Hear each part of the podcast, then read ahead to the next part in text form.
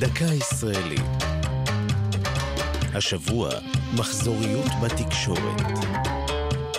והפעם, יוקר המחיה. בלונדון הייאוש נעשה יותר נוח, ובברלין המילקי זול יותר, או לפחות כך מספרים המוחים על יוקר המחיה בארץ. המונח יוקר המחיה הופיע לראשונה עוד בתקופת המנדט הבריטי, ועתה הוא מופיע במדד יוקר המחיה, שמפרסמת כיום הלשכה המרכזית לסטטיסטיקה. העובדים השכירים זכו באותם ימים לתוספת יוקר, כדי להקל את התמודדותם עם מחירי הסחורות והשירותים.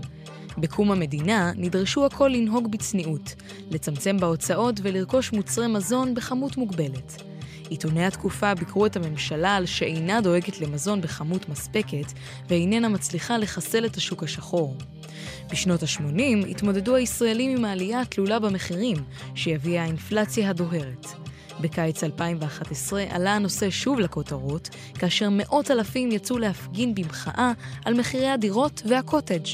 המחאה הולידה ועדות שונות שבחנו דרכים לשינוי המציאות, בראשן ועדת טרכטנברג. ארגונים חברתיים חדשים קמו, וכן מפלגות שחרטו את נושא יוקר המחיה על דגלן, ביניהן כולנו ויש עתיד. נכון ליולי 2019, ישראל מדורגת במקום ה-13 בעולם במדד יוקר המחיה, לפני הונג קונג וארצות הברית. זו הייתה דקה ישראלית על מחזוריות בתקשורת ויוקר המחיה. כתבה יעלי פוקס. ייעוץ הפרופסור רפי מן. הגישה עמלי חביב פרגון.